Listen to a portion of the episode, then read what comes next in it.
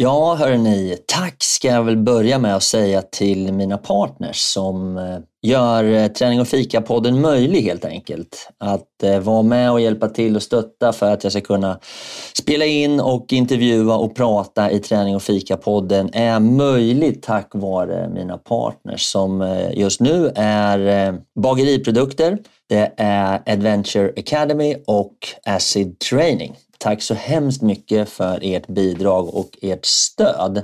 Sen kan man ju då som privatperson också gå in och stötta produktionen genom att eh, ge ett litet bidrag på till exempel Patreon. Det uppskattas väldigt mycket. Där kan du välja mellan att köpa en kaffe svart eller lägga lite mer pengar och köpa en kaffelatte och så fortsätta hela vägen upp till en riktigt härlig brunch. Så ja, tveka inte. Gå in och stötta lite. Det behövs och jag blir glad. Tack ska ni ha. Nu kör vi igång! Hiring for your small business? If you're not looking for professionals on LinkedIn, you're looking in the wrong place. That's like looking for your car keys in a fish tank. LinkedIn helps you hire professionals you can't find anywhere else, even those who aren't actively searching for a new job but might be open to the perfect role. In a given month, over 70% of LinkedIn users don't even visit other leading job sites. So start looking in the right place. With LinkedIn, you can hire professionals like a professional. Post your free job on linkedin.com slash people today. Ready to pop the question? The jewelers at BlueNile.com have got sparkle down to a science with beautiful lab-grown diamonds worthy of your most brilliant moments. Their lab-grown diamonds are independently graded and guaranteed identical to natural diamonds. And they're ready to ship to your door. Go to Bluenile.com and use promo code LISTEN to get $50 off your purchase of $500 or more. That's code LISTEN at Bluenile.com for $50 off. Bluenile.com code LISTEN. Ever catch yourself eating the same flavorless dinner three days in a row? Dreaming of something better? Well, HelloFresh is your guilt free dream come true, baby. It's me, Gigi Palmer. Let's wake up those taste buds with hot, juicy pecan crusted chicken or garlic butter shrimp scampi. Mm. Hello Fresh. Stop dreaming of all the delicious possibilities and dig in at HelloFresh.com. Let's get this dinner party started.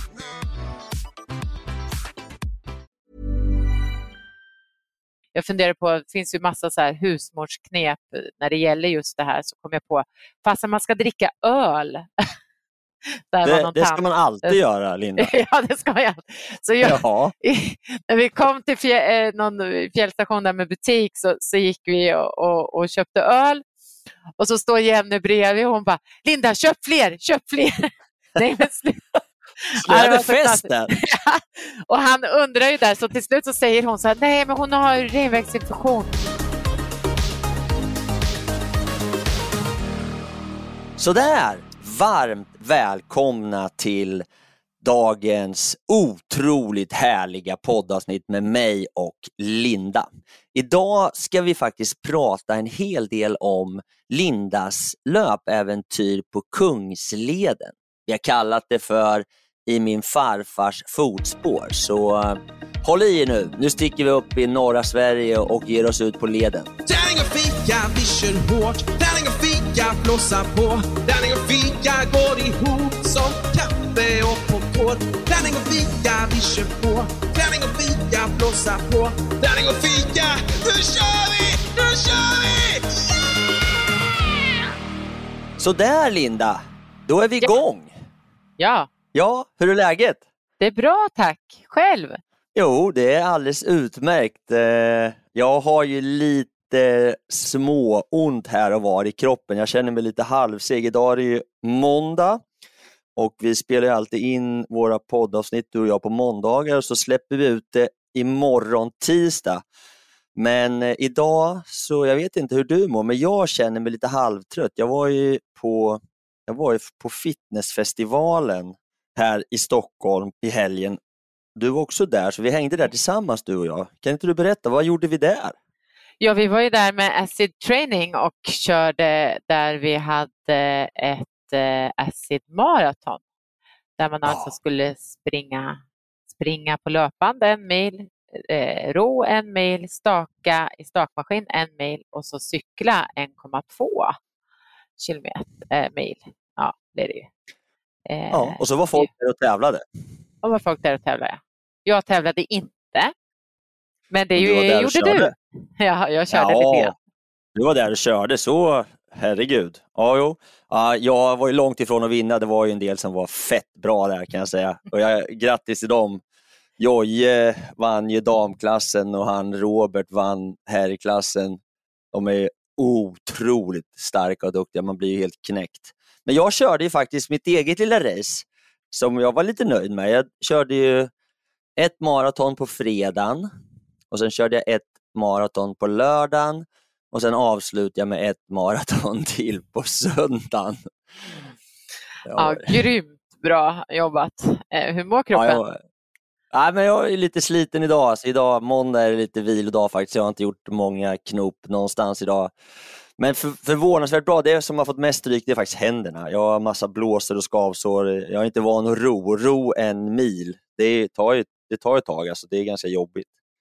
Ja. Så Ro är- ett sånt där, en maraton tar väl ungefär tre timmar. Har jag. Ja, Två- 2.40 till, till tre timmar tar det. Så jag är ganska mör, Ja. så då känns det extra gott att kunna ta en god... Ja, vad dricker du för kaffe förresten? Dricker du något kaffe eller vad gör du idag? Eh, jag dricker kaffe idag. Eh, jag fastar ju på måndagar så det är mycket kaffe idag. Ah. Det är, och idag sitter jag hemma så att idag är det Mollbergs blandning. Zoega kaffe. Zoega. Men du kör 8V eller? Jag försöker köra lite 8V, ja. Precis. Försöker. Så det är måndagsfasta enligt Ja. 8V-metodiken. Ja, men det låter ju alldeles Precis. utmärkt, så det blir ingen bulle för dig. Ingen bulle. Men det blir det för mig. Jag köpte faktiskt bullar eh, på fitnessfestivalen, såna här saffransbullar med kanel, eller inte kanel utan det blir ju liksom saffran och så blir det ju strössel på. Eh, vad kallas det för? Eh, Pärlsocker kanske. Pärlsocker ja. ja så jag, jag har, eh, vi lägger ut en bild, när jag, jag har faktiskt käkat en sån bulle när jag sitter på cykeln som du, vi lägger ut på Insta. Eh, men jag har faktiskt jag har, eh, jag har en kvar från igår, då, så den, har jag, den håller jag på och tuggar i mig nu. Det kan bli mer bullar idag känner jag. Eh, jag har lite underskott i energi. Men du Linda, Ja. nu har vi snackat kaffe, vi har snackat träning, vi är råpeppade för att ta oss in och sätta fötterna på Kungsleden för att höra hur det funkar och vad som inte funkar. Och du ska berätta om din resa där. Det ska bli otroligt spännande att höra. Nu kör vi!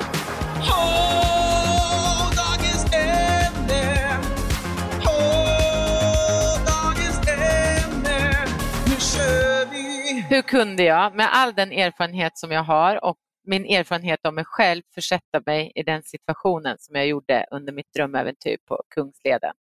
Va? vad menar du Linda? Det här, vad då? Vad har du gjort? Eller så här, först och främst Linda, sätt oss in i situationen för vi som inte har riktigt koll och inte har gått Kungsleden. Vart ligger det? Vad är det? Vad gör man? Ja, berätta. Berätta om ditt äventyr. Det här, vi måste få höra mer. Och sen så småningom vill jag också höra om varför du försatte dig i en konstig situation som du gjorde. Men ta oss in i inlandet nu. Berätta. Absolut. Sommaren 2021 så genomförde jag en stor dröm som jag har haft otroligt länge och det var att jag skulle ta mig eh, Kungsleden från Abisko eh, till Hemavan. 431 kilometer vill jag göra löpandes. Och att jag ville göra det här berodde på att jag har min farfar som föddes 1909. Gustav Holger Lindgren, han var med och rösade Kungsleden 1928. Vilket var att Vad betyder gjorde, rösade, Linda? han, ja, han tog bort stenar fr- och gjorde en led så att man, som man kunde gå på. Och det här, eh, den här sträckan sen blev 1928 fick namnet Kungsleden. Mhm. Så han var alltså med och, och gjorde Kungsleden alltså? Ja, så han bar bort stenar tillsammans eller med hästar och, och sådär. Och sen så jobbade han några år på Abiskos fjällstation och eh, eh, som turistguide. Det låter så konstigt Okej. att det- är redan då, liksom, 1928. Ja, så det som, du, det som vi egentligen i min farfars fotspår, det handlar egentligen om att din farfar har tillbringat mycket tid och gjort leden framkomlig för andra. Alltså. Ja. Så att Och det här var där- ju Abisko, eller? Ja, det var i Abisko. Och eh, mellan Abisko och Kvikkjokk eh, är första delen då som han var med och gjorde 1928. Och jag har till och med Ja, bilder på när han går med sin häst där. Och, Nej, jo. kan du lägga ut den på Insta? Får man se den eller? Ja, det kan jag göra, absolut. Ja, det Den kan lägga där. Ja. För, för oss som inte har så bra koll på hela Kungsleden, då, hur lång är Kungsleden? Liksom? Den är 431 kilometer om man inte tar med eh, och eh, bestiger Kebnekaise. För den, Mm. Jag tror att egentligen den räknas oftast med, men själva leden om man inte går av till Kebnekaise är 431 Är det, är det mycket fjäll och så där man går över eller går man i dalar? Liksom, hur, jobbigt, hur jobbig är den? Den är jättejobbig. Ja. eh, så att det, ja, det är ju mycket upp och ner. Mycket upp och ner. Jag har inte ens eh, funderat på höjdmeter och sånt. Om det är någon som lyssnar nu som tycker om siffror så är inte det riktigt min grej. Sådär. Men, men det är många höjdmeter och eh, mycket upp och ner. Men det är väl också eh, fantastisk natur va? Ja, det är, alltså, det är ju så här att det här äventyret ville jag göra redan eh, 2018 när jag sökte Adventure Academy. Men eh, eftersom att jag då när jag, hade, när jag sökte dit så hade jag ju i stort sett aldrig tältat eller varit utanför, utanför en storstad höll jag på att säga. Nej men det stämmer väl inte riktigt. Men jag hade knappt varit i fjällen förutom att åkt skidor. Så att jag insåg min begränsning att det här är liksom inte något man bara gör utan det här måste jag ha mer erfarenhet om. Så att då så sökte jag inte på det äventyret för jag hade aldrig klarat det tror jag faktiskt. Nej. Sen vet jag inte om jag var, jag var ju mycket, mycket bättre förberedd för jag hade lärt mig otroligt mycket grejer eh, från Adventure Academy men eh, samtidigt så hade jag ingen erfarenhet av fjällmiljö som gjorde att, att eh, det gick åt otroligt mycket förberedelse. För det är inte bara att åka, ta tåget till Abisko och, och sticka iväg. Det finns mycket. kan Men hända det är mycket också saker på vägen. ja, och sen är det väl också så att alltså, förberedelsen är ju halva grejen. Alltså, det, är, det är mycket roligare om man förbereder sig ordentligt och man känner att man gör det på riktigt än att bara hoppa, hoppa i på tåget och sticka dit. Liksom. Ja, precis. Och det är ju, det, det är ju ja, precis. Det är bland det roligaste, det är att förbereda saker. Men här Ja. krävdes det mycket förberedelse och eh, jag höll på i ett år. Och jag gjorde ju det här äventyret tillsammans med min eh, kära kompis Jenny också. Så, och Jenny hade ingen erfarenhet. Jag tror knappt hon hade tältat innan vi eh, eh, började träna inför det här, för då tältade vi lite. Så. Så du var den erfarna delen av ekipaget? Ja, fast utan erfarenhet. Så kan man Ja, säga. men, men vad hände då? Så ni, ni tog ryggsäckar och sprang eller gick? Eller liksom, hur mycket packning hade ni med? Vad hände liksom? Eh, Ja, berätta. men vi för, vi för, när, när det här från början var tänkt så var det tänkt faktiskt att det skulle bli lättvikts, alltså att vi skulle springa stu, till fjällstugorna och inte bära någonting egentligen med oss. Men eftersom hur, hur långt är det mellan fjällstugorna? Ja, men det är ju lite olika. Det är ju En faktiskt- dagsetapp typ? Eller? Ja, det är en dagsetapp.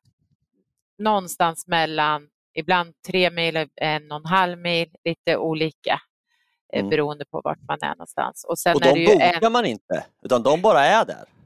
ja, innan pandemin var det ju så, men eftersom att pandemin kom så var man ju tvungen att ha med sig lakan, var tvungen att boka i förtid, vilket gjorde att vi tog ett tidigt beslut på att vi ändå skulle få bära med oss ganska mycket eftersom vi var tvungna att ha, det var ju krav på, på vilka lakan och sådär, vilket eh, kanske inte var jättelätt. Så att vi tog Nej. ett beslut på att eh, för att känna oss fria och inte ha tider att passa ifall Ja, men grejen är att om vi skulle ha bokat alla stugor och så blir, händer det någonting och vi kommer ingenstans på grund av väder och så, så missar Ja. vi alla bokningar hela vägen. Så då valde Ja. vi att nej, men vi gör det här med tält. Så att vi började att eh, grotta ner oss i lättviktsvärlden och eh, försöka lära oss saker om det. Så att det gick åt mycket Google-tid, pengar och kunskap på att lära oss om, om material och vad vi skulle ha med oss. Eh, och dessutom så valde vi faktiskt att göra det med ett varsitt tält, vilket kanske inte alla skulle göra kanske för att tjäna vikt, men vi valde att bära varsitt tält på grund av att få sova ordentligt på nätterna. Ja. Funkar det då? Det funkade, absolut. Var det rätt beslut? Ja, det var rätt beslut. Det är jag helt övertygad om. Jag tror att vi hade slagit ihjäl varandra om vi hade också, om jag hade legat och snarkat henne i örat. Alltså. Men du, berätta om det här med att, att, att vara två tjejer i sina bästa dagar ute på en led sådär. Var det svårt att hålla sams? Och hur, eller hur, hur, berätta lite grann, hur såg dagarna ut? Vi tar det här först, det är spännande. Ja. Nej, men eh, alltså vi, vi tog ju tåget. Vi valde ju att eh, starta i Abisko och ta oss till Hemavan och många undrar säkert varför vi sprang åt det hållet. Vi valde det för att eh, jag tror beslutet kom att vi vill ha solen i ansiktet och inte i ryggen. Eh, vilket kanske var ett bra beslut fast eh, ja, kanske också ett dåligt beslut. Men, för att, eh, varför för Att vi, för att när vi gjorde det här så har det aldrig varit så varmt i juni i, fjäll, i, i det här området. Vi hade över 30 grader varmt. Okay. Nej, men vi, vi efteråt har sagt att vi är jätteglada att vi sprang åt, eh, vi startade i Abisko faktiskt. Dels hade vi, det var otroligt lugnt när vi startade där. Vi, vi var nästan själva på leden den sträckan mm. och den sträckan ska vara ganska välbesökt vad jag förstår. Eh, annars. Hur var det med vatten och sånt om det var så varmt och det är jobbigt att släppa runt på vatten? Fanns det fjällbäckar och sånt ni kunde fylla vatten i? Eller? Absolut, det fanns jättemycket vatten så det var det minsta bekymret. Eh, och otroligt härligt med fjällvatten som är iskallt. Så att vi hade inga problem och det var väl tack vare, vi, vi gjorde ju det här i, direkt efter midsommar, midsommardagen tog vi tåget från ja. Stockholm. Badade ni i någon fjällbäck? Ja, vi, lite grann. Vi badar ju en del, men vi, ja, det är väl klart att vi badar och tvättar oss och så.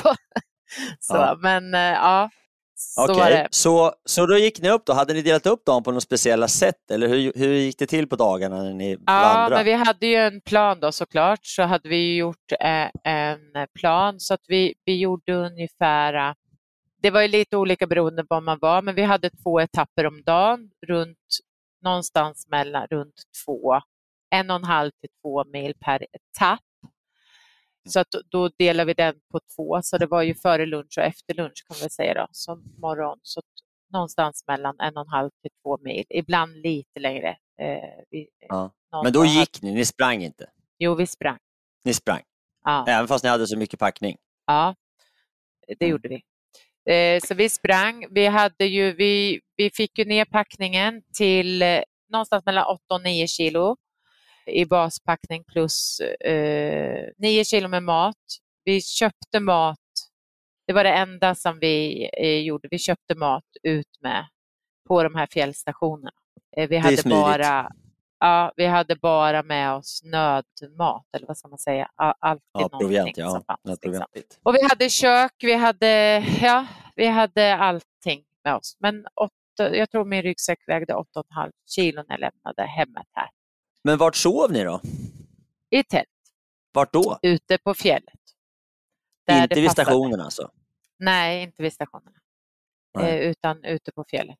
Vad hade du för skor på dig när ni körde förresten? Hade ni kängor eller löpardojor eller hur, var det blött? Och var det, hur, ja. Vi hade vanliga löpardojor, eller vanliga, jag hade trailskor, jag hade en Hoka trailsko som jag ja. hade. Ja. Inga eh, konstigheter? Inga konstigheter, nej precis. Och eh, ja, vanliga Dubbla strumpor? Vanliga. Nej, inte dubbla strumpor utan eh, tåstrumpor, vilket är en magisk uppfinning. Eh, måste Tåstrumpor är alltså strumpor som har ett litet fack för varje tå. Så det är yeah. ett fack för foten och sen fem små fack för tårna. Ser otroligt roligt ut. Fast det är jäkligt bra att ha när man, är, när man ska vara ja, ute länge och eh, inte ska.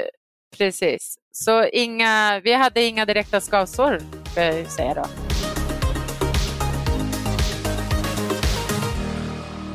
Vad hände sen då? Så då kom ni i mål där på eftermiddagarna. Det är ljust hela tiden och så skulle ni då laga mat och umgås och uppleva och njuta och liksom eh, hur, hur funkar det då tillsammans?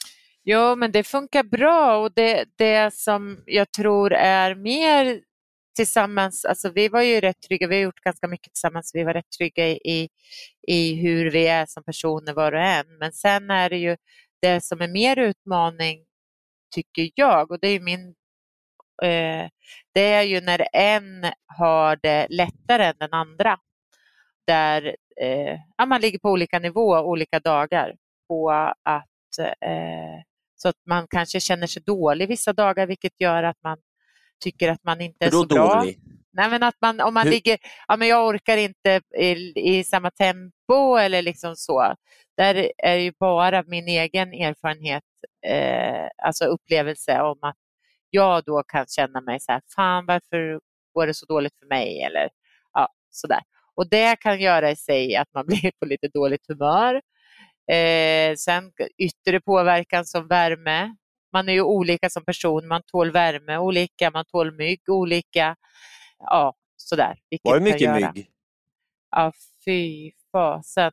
Alltså, vi var ju förberedda på mygg eh, såklart och hade liksom läst på om det och, och, och förberett oss. Men jag kan säga att jag var inte tillräckligt förberedd ändå. Jag vet att jag mår otro... myggorna gillar mig, jag mår dåligt av att få för mycket myggbett. Blir liksom sjuk, eh, får lite feber och sådär. Då är det så orättvist att då hade ju Jenny då, hon kunde springa i shorts och linne medan alltså jag fick springa med full jacka, byxor eh, och allting och ändå fick jag eh, myggbett medan hon hade två myggbett. Men vadå, du jag- fick myggbett även om du sprang alltså? Ja, ja. Det är helt otroligt. Alltså det var så mycket. My- Grejen är så här att när vi kom, eh, det var väl efter, vi, efter femte dagen ungefär så kom den här värmen som vi hade och då blev det så varmt på en gång så hela myggbeståndet, om vi nu har fått rätt uppgifter, vi fick lära oss ut med vägen, så kläcktes hela beståndet på en gång, vilket gjorde att det blev otroligt mycket myggor eh, som annars kommer successivt under hela säsongen eller under vissa månader. Ja, för jag Eh. hade väl trott att när man går ut så tidigt som ni gjorde där i, runt, eh, i, i slutet på juni så har det inte kommit så mycket mygg än, men det kanske var då för värmen som de kom och började äta upp precis. dig. Ja, så de kom precis Ja. innan vi kom till Kvikkjokk. Så när vi skulle då springa sista biten till Kvikkjokk så kom det folk från andra hållet och de bara, gå inte dit, gå inte Nej. dit, gå inte ner för berget. Eh, ja, de var helt så här, nej ni måste vända, det går inte att vara där. Och, ja, vi hade ju liksom inget, man hade ju inget val. Eh, och det var verkligen så. Det var fruktansvärt. Och så har man den här, man har ju då en mygg eh, över huvudet, ett myggnät över huvudet. Och mitt myggnät var svart, så det var som att dra ner någon ångestridå i den här värmen så att man liksom, det bara rann om en under den där och sen så sprang man. Så att rent mentalt så var det ett par otroligt tuffa dagar eh, precis i början. Men sen är det ju så, det var ju som vi frågade någon gubbe där som körde en båt med oss, att äh, låt dem bita bara, du vänjer dig. Jag tänkte att det, det gör man ju inte, men till slut gör man ju det. Ja, det är Men det är otroligt, det är ju otroligt jobbigt och Kungsleden är ju inte bara på fjäll utan man är ju även ganska mycket i skog och i dalen. ja. Så att, och där är det ju på, alltså, så tufft. När man kommer upp på fjället då var det ju varmt och det fanns ingen, ingen skugga någonstans. Men då hade du inte lika mycket, alltså då var ju inte myggen på dig när du sprang. Men när du var i dalen, även när du sprang, så var det var så mycket myggor. Alltså. Ja, det, det är ju det är kul att vara på fjäll för det, det är lättare att röra sig, det är mindre mygg, det är inte lika varmt. Okej, det finns ingen skugga, men det finns ju ganska många fördelar med att vara uppe på, på, på fjället i jämförelse med att vara nere i dalen där det är liksom blött, snårigt, eh, svårforcerat och massa sånt där såklart. Men ni sov uppe på fjäll eller sov ni nere i dal? Vi sov oftast på fjäll. Ja. Så att vi, var, vi kom allt, efter lunch så var det, det blev lite så här att vi eh, första etappen kanske gick ner och sen, jag upplever som att vi efter varje lunch tog oss upp för berg så att vi kom upp. Eh, och det var en tillfällighet att det blev så. Vi hade ju liksom ingen aning, men Vilket också var jävligt tufft för att den här värmen tror man ju så här att det är som varmast vid klockan ett, men det är ju fasen varmast vid fyra. Det var väl våran okunskap. Eh, så att vi väntade ju, men sen kunde man inte vänta. Vi ville inte springa på natten. Så att det hade man ju kunnat gjort, men det är något som vi inte eh, ville göra. Nej. Eh, Men det sjukaste är att det blir ju aldrig natt heller. Utan det, är, Nej. Det är ju klarljust hela tiden. Man fattar inte hur det kan vara så ljust som det är. Det är rätt sjukt faktiskt. Så att det, det var ju på det sättet värmen, hade, vi hade ju inte, vi hade gjort konsekvensanalys på mycket, men eh, eh, värmen hade vi absolut inte förberett oss för. Men eh, nu måste vi också ta oss tillbaks till det här med hur, hur du med din erfarenhet kunde hamna så snett. Vad var det som, vad var det som hände egentligen Linda? Det här är spännande, nu måste jag få höra. Ja, jag vet inte om det är så spännande, det är jävligt dumt, men, men eh, det är ju så här att vi hade ju planerat vad vi skulle äta och vi hade liksom, vi skulle springa så lätt som möjligt så det var ju frystorkat som gällde. Hade man haft mer erfarenhet kanske man hade kunnat gjort annat, men vi åt ju då frystorkat, Eh, vilket eh, efter redan två dagar är svårt att få i sig. Jag tror att alla, alla som har ätit de här frystorkade maten vet att efter, eh, om man äter det två gånger om dagen så, så börjar det växa i munnen. Så att det var svårt att få i sig så att vi insåg ganska snabbt att det här kommer inte gå. Så att vi började äta Du tyckte nudlar. helt enkelt att det, det var helt enkelt för äckligt tyckte ni, eller? Alltså, äck- det var så svårt att få i sig. Alltså, eh, det fanns ju vissa rätter som funkade. Liksom. Men det Ja. är efter en halv sån här påse, så vi, jag vet inte, det är någonting som gör att det är svårt att få i sig. Ja. Och vi försökte ju, eller jag och jag visste att jag behöver det här, så i början var jag jättenoga med att få i mig den här maten. Men sen så till slut så insåg vi hur gott det är med, hör och häpna, hur gott det är med nudlar. Så att vi började leva på nudlar, vilket kanske inte, nudlar med två McDonalds saltspåsar i åt vi tre gånger om dagen. Vilket eh, vem som helst kan räkna Jag tror att det är 250 eller 350 kalorier i en sån här påse. Eh, vilket, Nej, det är inte så eh, mycket faktiskt. Det, var är ganska mycket. lite. Ja, Nej.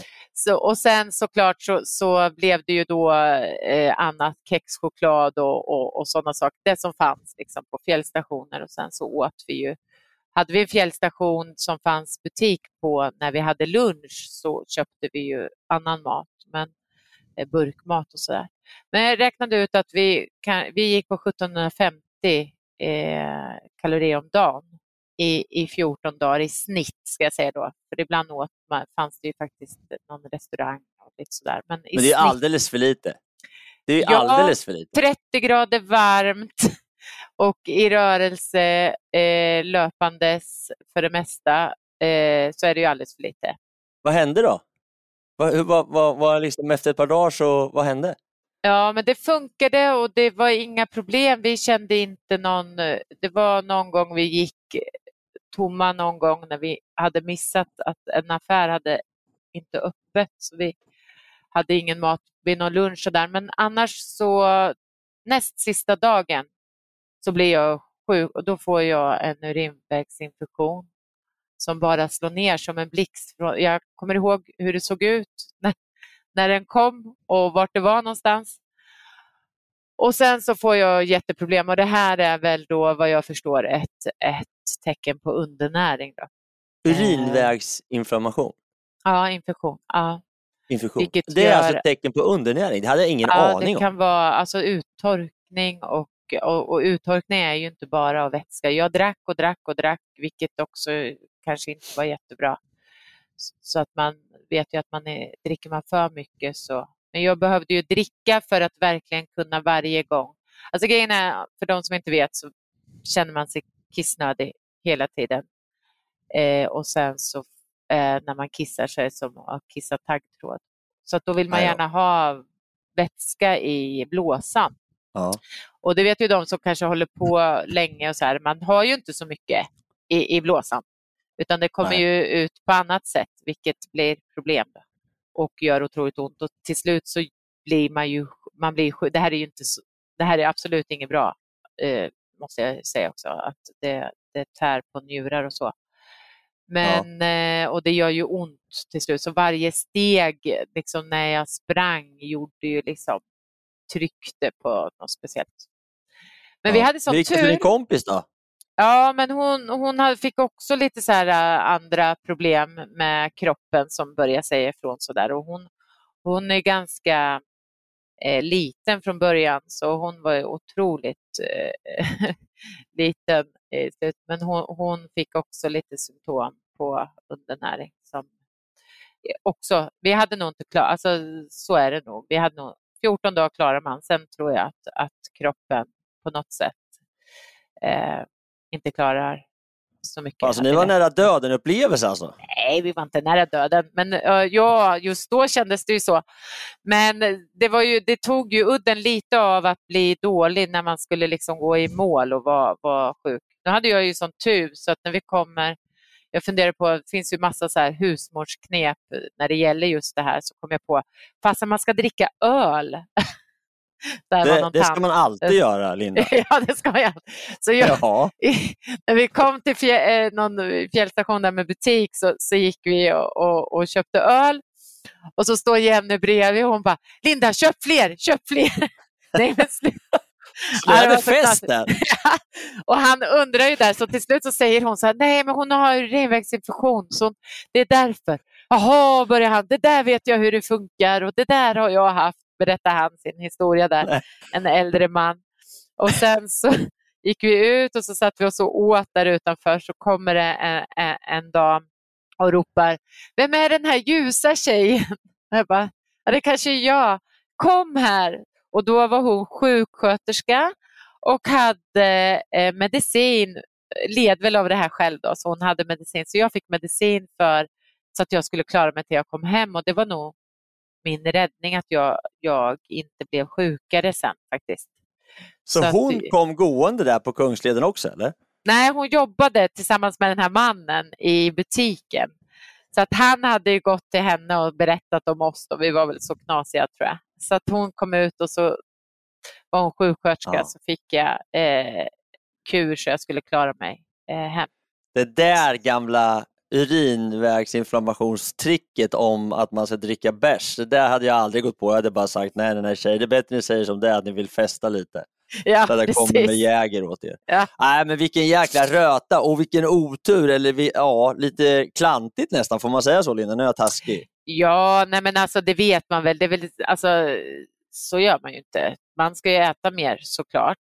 Men det är, alla gånger är det inte så jävla lätt att äta. Alltså. Det är lätt att, det tror jag du vet också, att det är ganska lätt att slarva när man är igång och, och sådär. Jag vet inte hur du Ja, gör men när jag du... tror att man men det- är, många, man är olika. Liksom. Jag, jag har ju faktiskt den för, fördelen att aldrig egentligen nästan, peppa peppar hittills, går torrt. Utan jag Nej. ser till att äta och liksom, ja, när jag åkte igenom Sverige på rullskidor, då hade jag fjällrävenbrallor, så här shorts på mig och så hade jag liksom två fickor på varje sida. Du vet, sån här. Och där hade jag alltid godis. så jag, Precis. så jag, Jo, men sånt hade man ju. Godis och så. Men, men grejen är att här var det ju också så att det fanns inte så mycket mat som du kunde bära med dig. Annars, Nej. annars när jag gjort Sen är väl det stora äventyr så- problemet, menar, Ja. det stora problemet är väl ändå liksom att någonstans att äta nudlar är ju liksom inte tillräckligt bra mat för att klara av och prestera. Nej. Det är för dålig mat. Ja.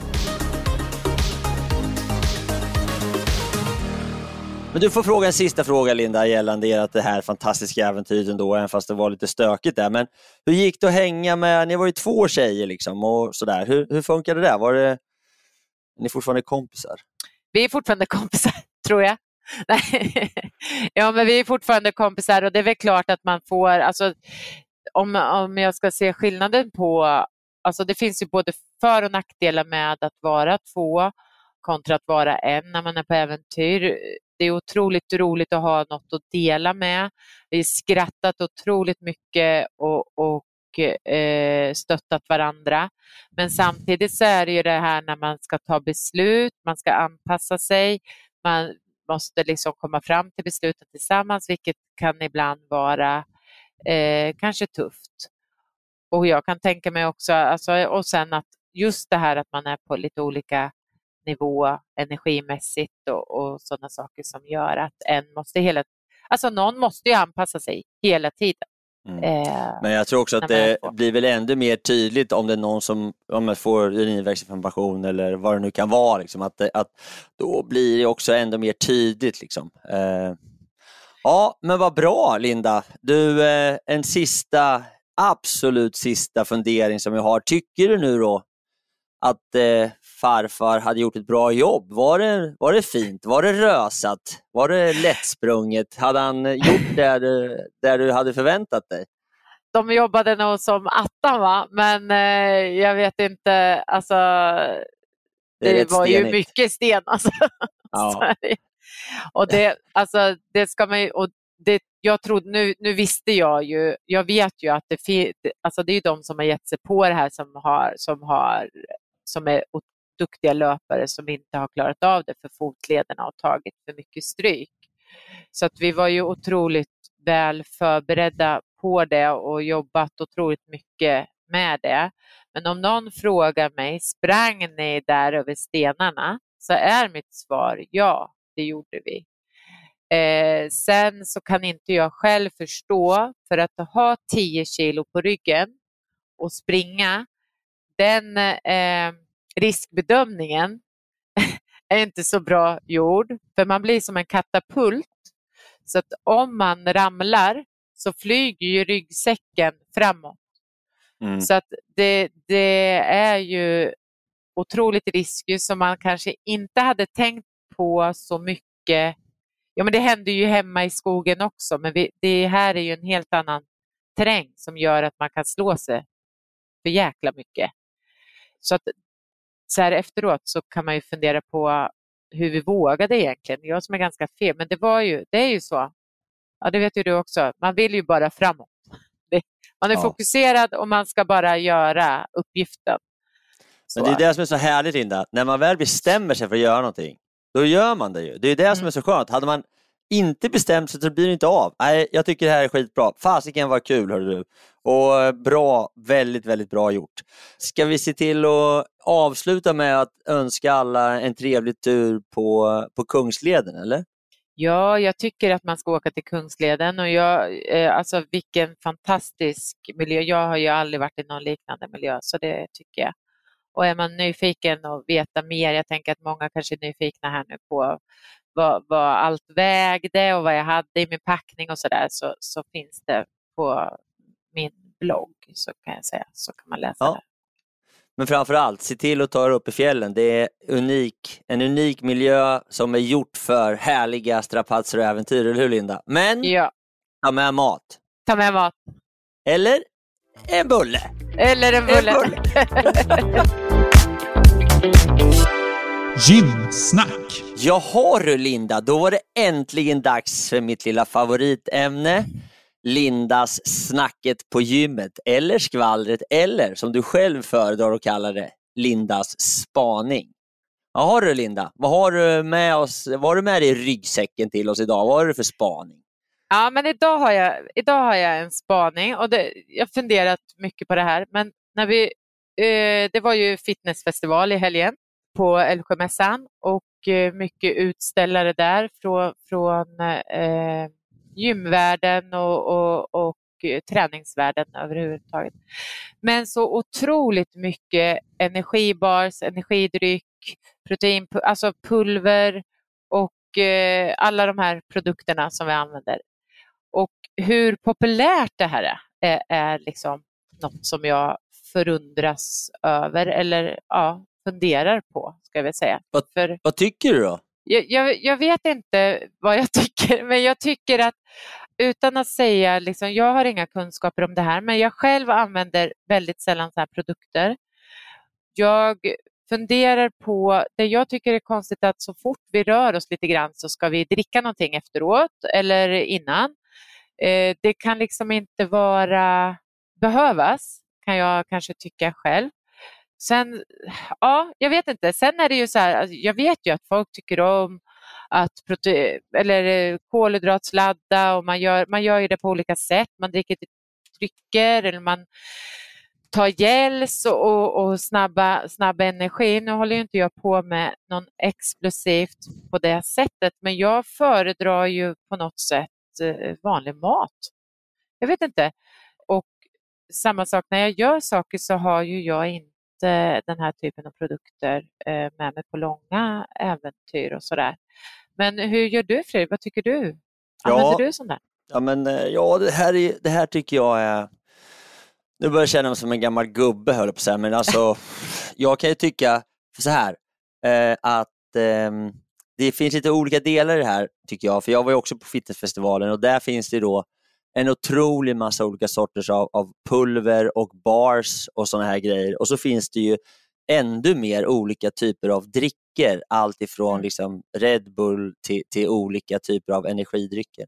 Och där kan man ju konstatera, jag, jag snackade med vår producent Marcus här i, i morse och då så slog han ut sin, om det var Monster eller något sånt där Oh. på, eh, ja, på skrivbordet så, så svor han när vi hade möte han och jag.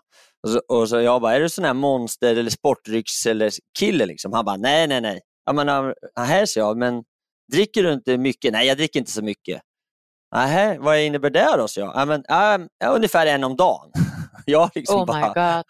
Ja, men du vet, och det tycker han i hans värld, det är det är ju ingenting. Medan jag kanske dricker, jag, ja, alltså, jag dricker ju extremt sällan någon, någon typ av sånt här överhuvudtaget. Och, och jag käkar ju ännu mer sällan bars eller olika typer av, av sådana här eh, ways eller sånt där nu för tiden heller. Liksom. Så, men jag tror att det är en generationsfråga till viss del också faktiskt om jag ska vara ärlig. Men, men, men någonstans så måste det vara så att den här industrin säljer otroligt mycket produkter och eh, vi gick ju därifrån, jag och min fru, och, och köpte, har köpt julklapp till, till, våran, till min son och en av mina döttrar varsin platta Nocco.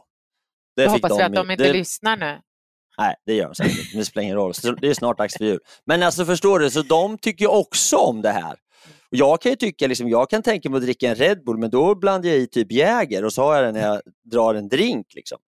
Men, men hålla på och trycka i sig massa sånt här energi innan och efter och allt sådär. då- Det är ju det är bara massa godis och socker.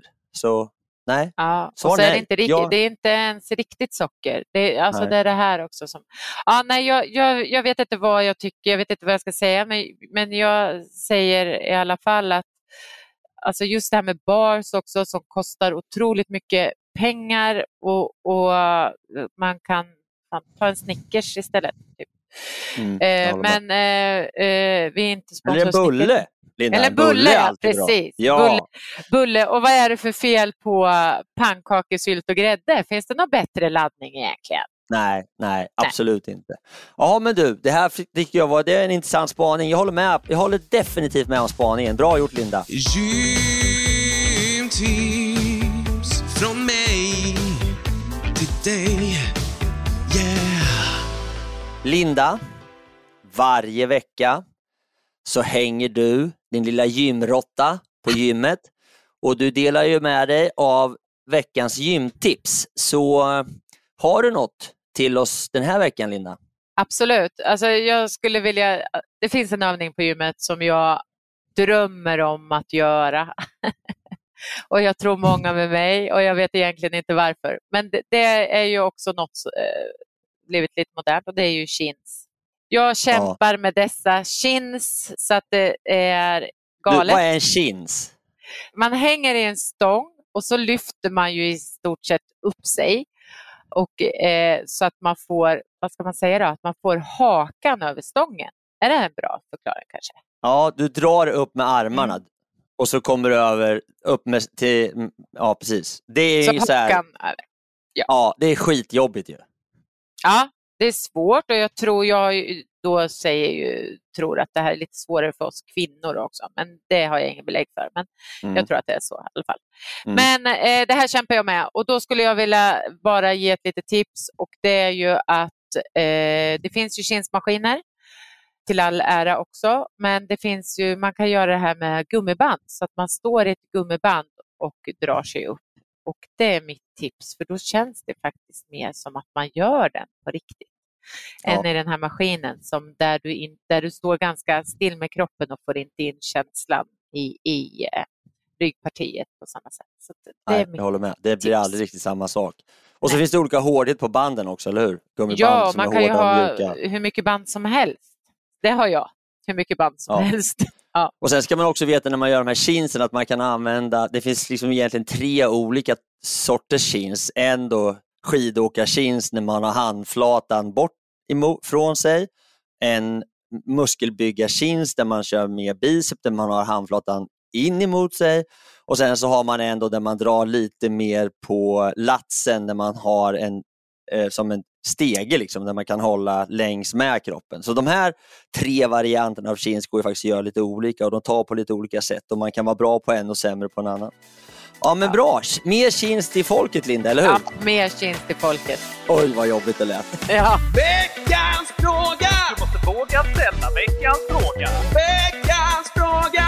Ah, baby. Så då Linda, har vi fått in någon fråga eh, på riktigt den här veckan eller? Jajamän, den här veckan har vi fått in en fråga där eh, frågan var faktiskt om hur mycket packning jag hade i min ryggsäck på Kungsleden och vad den vägde, eller vad, hur mycket den vägde. Så ska jag säga. Det är ganska enkelt svar. Den vägde 9 kilo men sen så var vi utan fjällstation så vi var tvungna att bära mat eh, under två dagar och då vägde den 10 tror jag exakt. Så att mellan 9 och 10 kilo. Men du, då har jag en kompletterande fråga till det där. Vad hade du för typ av ryggsäck egentligen? Vad har man på sig när man ska springa som ni gjorde? Jag hade en, eh, en löparryggsäck som eh, var li, eh, lite större. Nu funderar jag på hur många liter den var på, men den, lite större. Så att, eh, men det, det var en löparryggsäck och det var viktigt för oss. Vi provade ut jättemycket ryggsäckar, men vi ville ha vattnet i, fram eh, och Mm. hade lite sådana grejer som eh, Ja. krav. Ett bra band runt midjan, flaskorna fram och Ja. rymde där man behövde. Eh, jag tänker man kan ha vilken jävla ryggsäck som helst, bara den är skön, sitter bra och att den håller, för den slitaget är ganska stort i 14 dagar. Ja. Men det var ingen träram och sånt där på den? Liksom, utan Nej, den, nej, var, nej, den var nej. kroppsformad i Ja, största möjliga mån. Och låg tyngdpunkt. Och... Ja, och väldigt lätt eh, var den också. Sen har vi faktiskt en annan fråga också Linda. Det var ju det här hur man, när det börjar bli kallt ute nu, när man, om man ska tänka på någonting när man ska ut och springa så man inte fryser. Har du några så här, för oss som är frusna, eh, många tjejer tycker också att det är kallt på vintern och springa och åka skidor och sånt där. Har, har du några värmetips? Värmetips, absolut. Nu har jag inte det problemet och jag är, är otroligt varm och svettas mycket. Eh, jag kan mer få problemet när jag, om jag ska stanna. Men annars så är ju någonting som har blivit väldigt poppis och som är, är väldigt bra, det är ju faktiskt termoshorts. Just det, jag köpte det till min fru för några år sedan och hon Mm. skrattade. Och det, det tipset ger speciellt till kvinnor. Det andra får, får Fredrik s- prata för, men vi som fryser, kvinnor fryser oftast om rumpan, eh, vilket de där är bra. Men annars är det ju lager på lager som gäller. Ja. Gärna ullplagg och det finns mycket ullplagg nu som är eh, gjorda för löpare faktiskt, eh, i sådana märken. Ja, men då får vi skaffa ett par termoshorts helt enkelt och sticka ut och springa. Man vill ju Ja. inte frysa om rumpan. Nej, Nej, men vad bra. Ja, men vi börjar väl där. Vi kommer säkert komma tillbaka till mer tips här, eh, ta oss ut när det är vinter, åka skidor och allt sånt där. Så jag är ju älskare av väst. Jag kan ju ha hur många olika västar som helst. Så en eh, tunn dunväst och ett par tunna dunshorts kanske då helt enkelt, så håller man sig Ja. varm. precis. Vad bra. Det väl bra. Veckans godbit. Jaha Linda, nu är det dags för den godaste delen av vårt lilla program. Veckans godbit. Vad har du att bjuda på idag Linda? Ja, men idag så tänkte jag ta ett recept från, eh, som vanligt från, från våra 8V-recept och jag tänkte att eh, eh, 8V vi är har... alltså 8 weeks of dedication, eller hur? Bara så vi, vi slänger Ja. oss en massa saker Ja. som kanske inte alla vet om, men det är, Nej. det är vårt träningsprogram som vi kör. Precis, som är ett träningsprogram. Precis. Eh, och där så har vi lite olika recept och idag så tänkte jag att slå ett slag för pannkakor som vi gör där. eh, som är otroligt goda som är gjorda på mandelmjöl och lite äppelmos och lite kanel och mandeldryck och vanilj och eh, kokosolja. Så att det är alltså inget vetemjöl i de här pannkakorna. Så att man blandar mm. och receptet kommer finnas, men man blandar all, alltihopa i en bunke bara och så rör man ner mandelmjölk och vispar ihop allt till en tjock smet. Och sen så tillsätter man äppelmos och sen eh, så steker man de här i stekpannan på medelhög eh, värme. Och Jaha, så, så man lägger in äppelmoset i smeten? Ja, så smakar de lite ah, äpple. De är jättegoda. Spännande. Ja, kul. Ja, och då kan man hitta receptet på vart då? Vi lägger ut det på våran eh, på Instagram, träning och fika.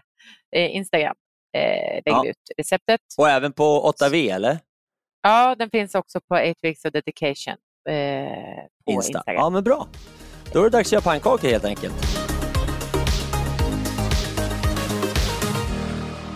Ja, hörni. Nu har vi kommit fram till den punkten i det här poddavsnittet som ni alla längtar efter. Det vet jag ju. Även om det kanske inte säger det. Storytime med Fredrik. Men här har jag möjligheten varje, varje vecka att berätta en tokig historia. Och den eh, kallas ju för Storytime med Fredrik och det är jag som är Fredrik och det är min story. Och idag så hade jag tänkt att jag skulle prata lite grann om det här med hajar, vithaj. Och eh, för, i samband med fotbolls-VM som var nere i, i, Sydafrika så var jag där nere och eh, jobbade för en kund och eh, fick lite tid över och då tänkte jag så här, vad ska jag göra då? Så jag hyrde en bil och hoppade in i den.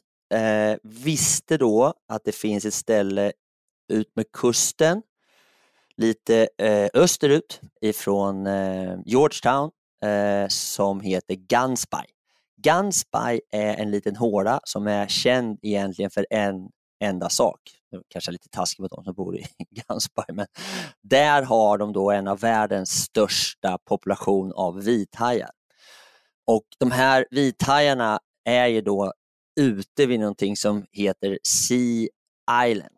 Den här Sea Island är egentligen två små öar som ligger en bit ut från kusten där det då är massa sil, alltså den heter, sa jag Sea Island? Seal Island, alltså eh, där är det massa sälar. Och som vi alla vet så gillar ju eh, vithajar och äta eh, små söta sälar och de bor där. De blir jagade dag och natt av de här jäkla vithajarna. Hur som helst, jag hoppade in i bilen med min polare och vi var ju råtaggade, hoppades på att vi skulle kunna få komma dit, komma ut med båten, hoppa ner i vattnet och se vithaj. Så det var ju min dröm. Jag har ju sedan egentligen hajen på tv eller på film, sen dess har jag varit livrädd både för att simma och bada och hajskräck och ja men ni vet, en hel generation. Jag menar, du vet väl också Linda hur, hur, hur eh, hur man påverkas ja. av den jävla filmen alltså. Ja, fan, jag vågar knappt bada badkaret liksom. Jag är fan rädd för att det komma en haj i, i poolen. Liksom. Så, men under många år så har jag jobbat med den där rädslan av, av haj och, och, och, gjort en hel del hajdyk på olika ställen och även simmat mycket, eh, lärt mig kråla hyfsat bra och kört ö till ö och liksom så här, försöka utmana min li, lilla fobi för haj. Så det här skulle väl då någonstans vara någon typ av så här, det ultimata examinationsprovet för mig för att liksom ta mig ut och, och träffa vithaj.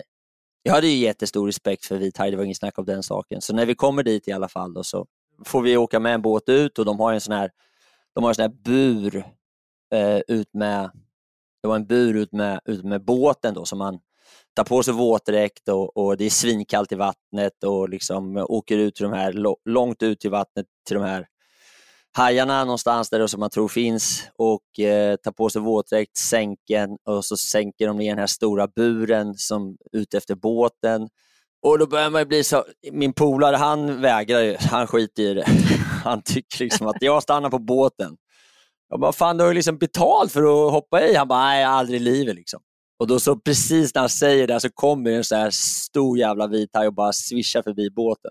Och jag liksom bara, shit pommes frites. Så jag börjar bli lite halvnervös själv där också, tycker att det är det verkligen så smart. Och då så säger den här servicegubben då, inte han som kör båten utan andra som hjälper oss. Då. Han bara, ja, nu ser vi, vi har lagt nät ovanpå här lite grann för det är liksom förra veckan så var det en vithaj som hoppade in i buren ovanifrån.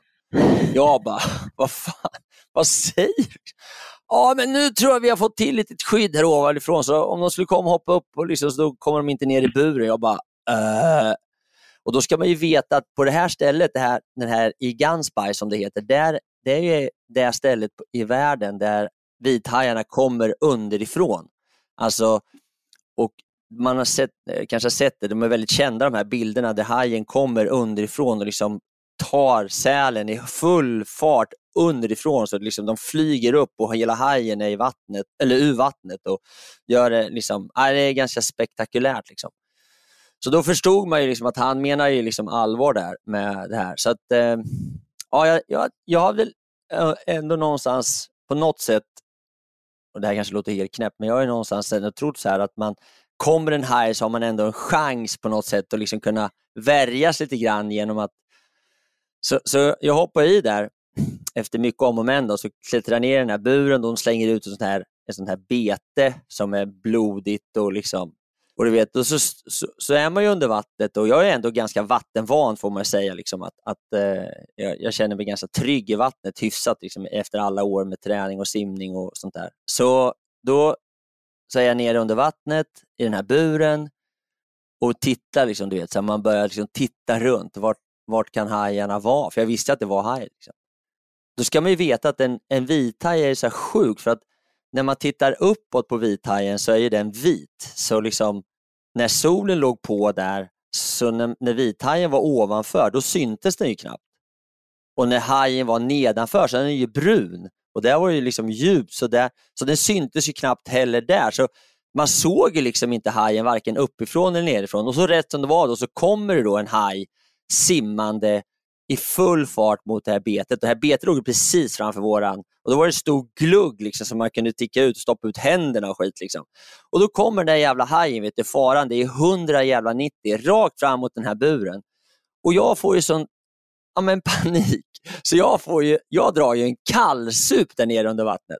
Och liksom, du vet, så när hajen kommer farande, då, då är jag tvungen att gå upp för jag håller på att kväva mig själv av en kallsup.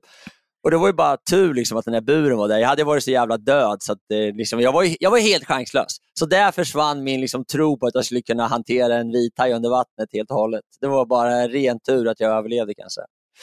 Så att, eh, sen upp där, hosta, flämta, flåsa och sen, sen då ner igen och fick ju se mycket vithaj och, och, och njuta av de fantastiska djuren. Men just den här känslan att när hajen kommer, när det var på riktigt, då satt jag i halsen. Liksom.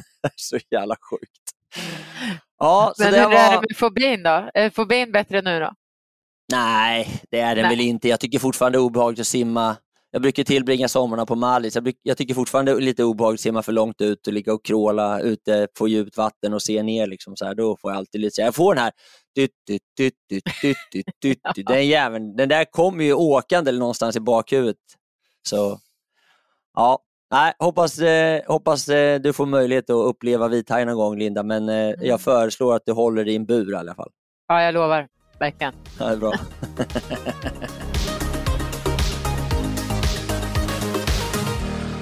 Hörni, det här var det hela. Sista avsnittet är alltid det bästa säger de. Eh, nej då.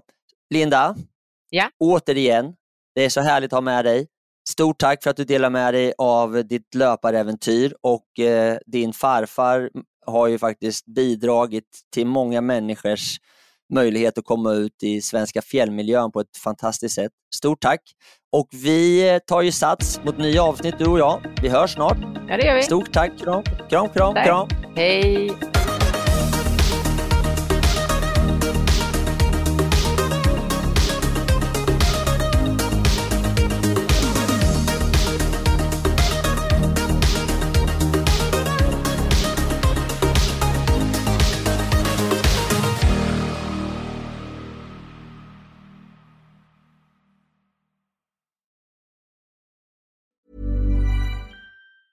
Even on a budget, quality is non-negotiable. That's why Quince is the place to score high-end essentials at 50 to 80% less than similar brands. Get your hands on buttery soft cashmere sweaters from just 60 bucks, Italian leather jackets, and so much more.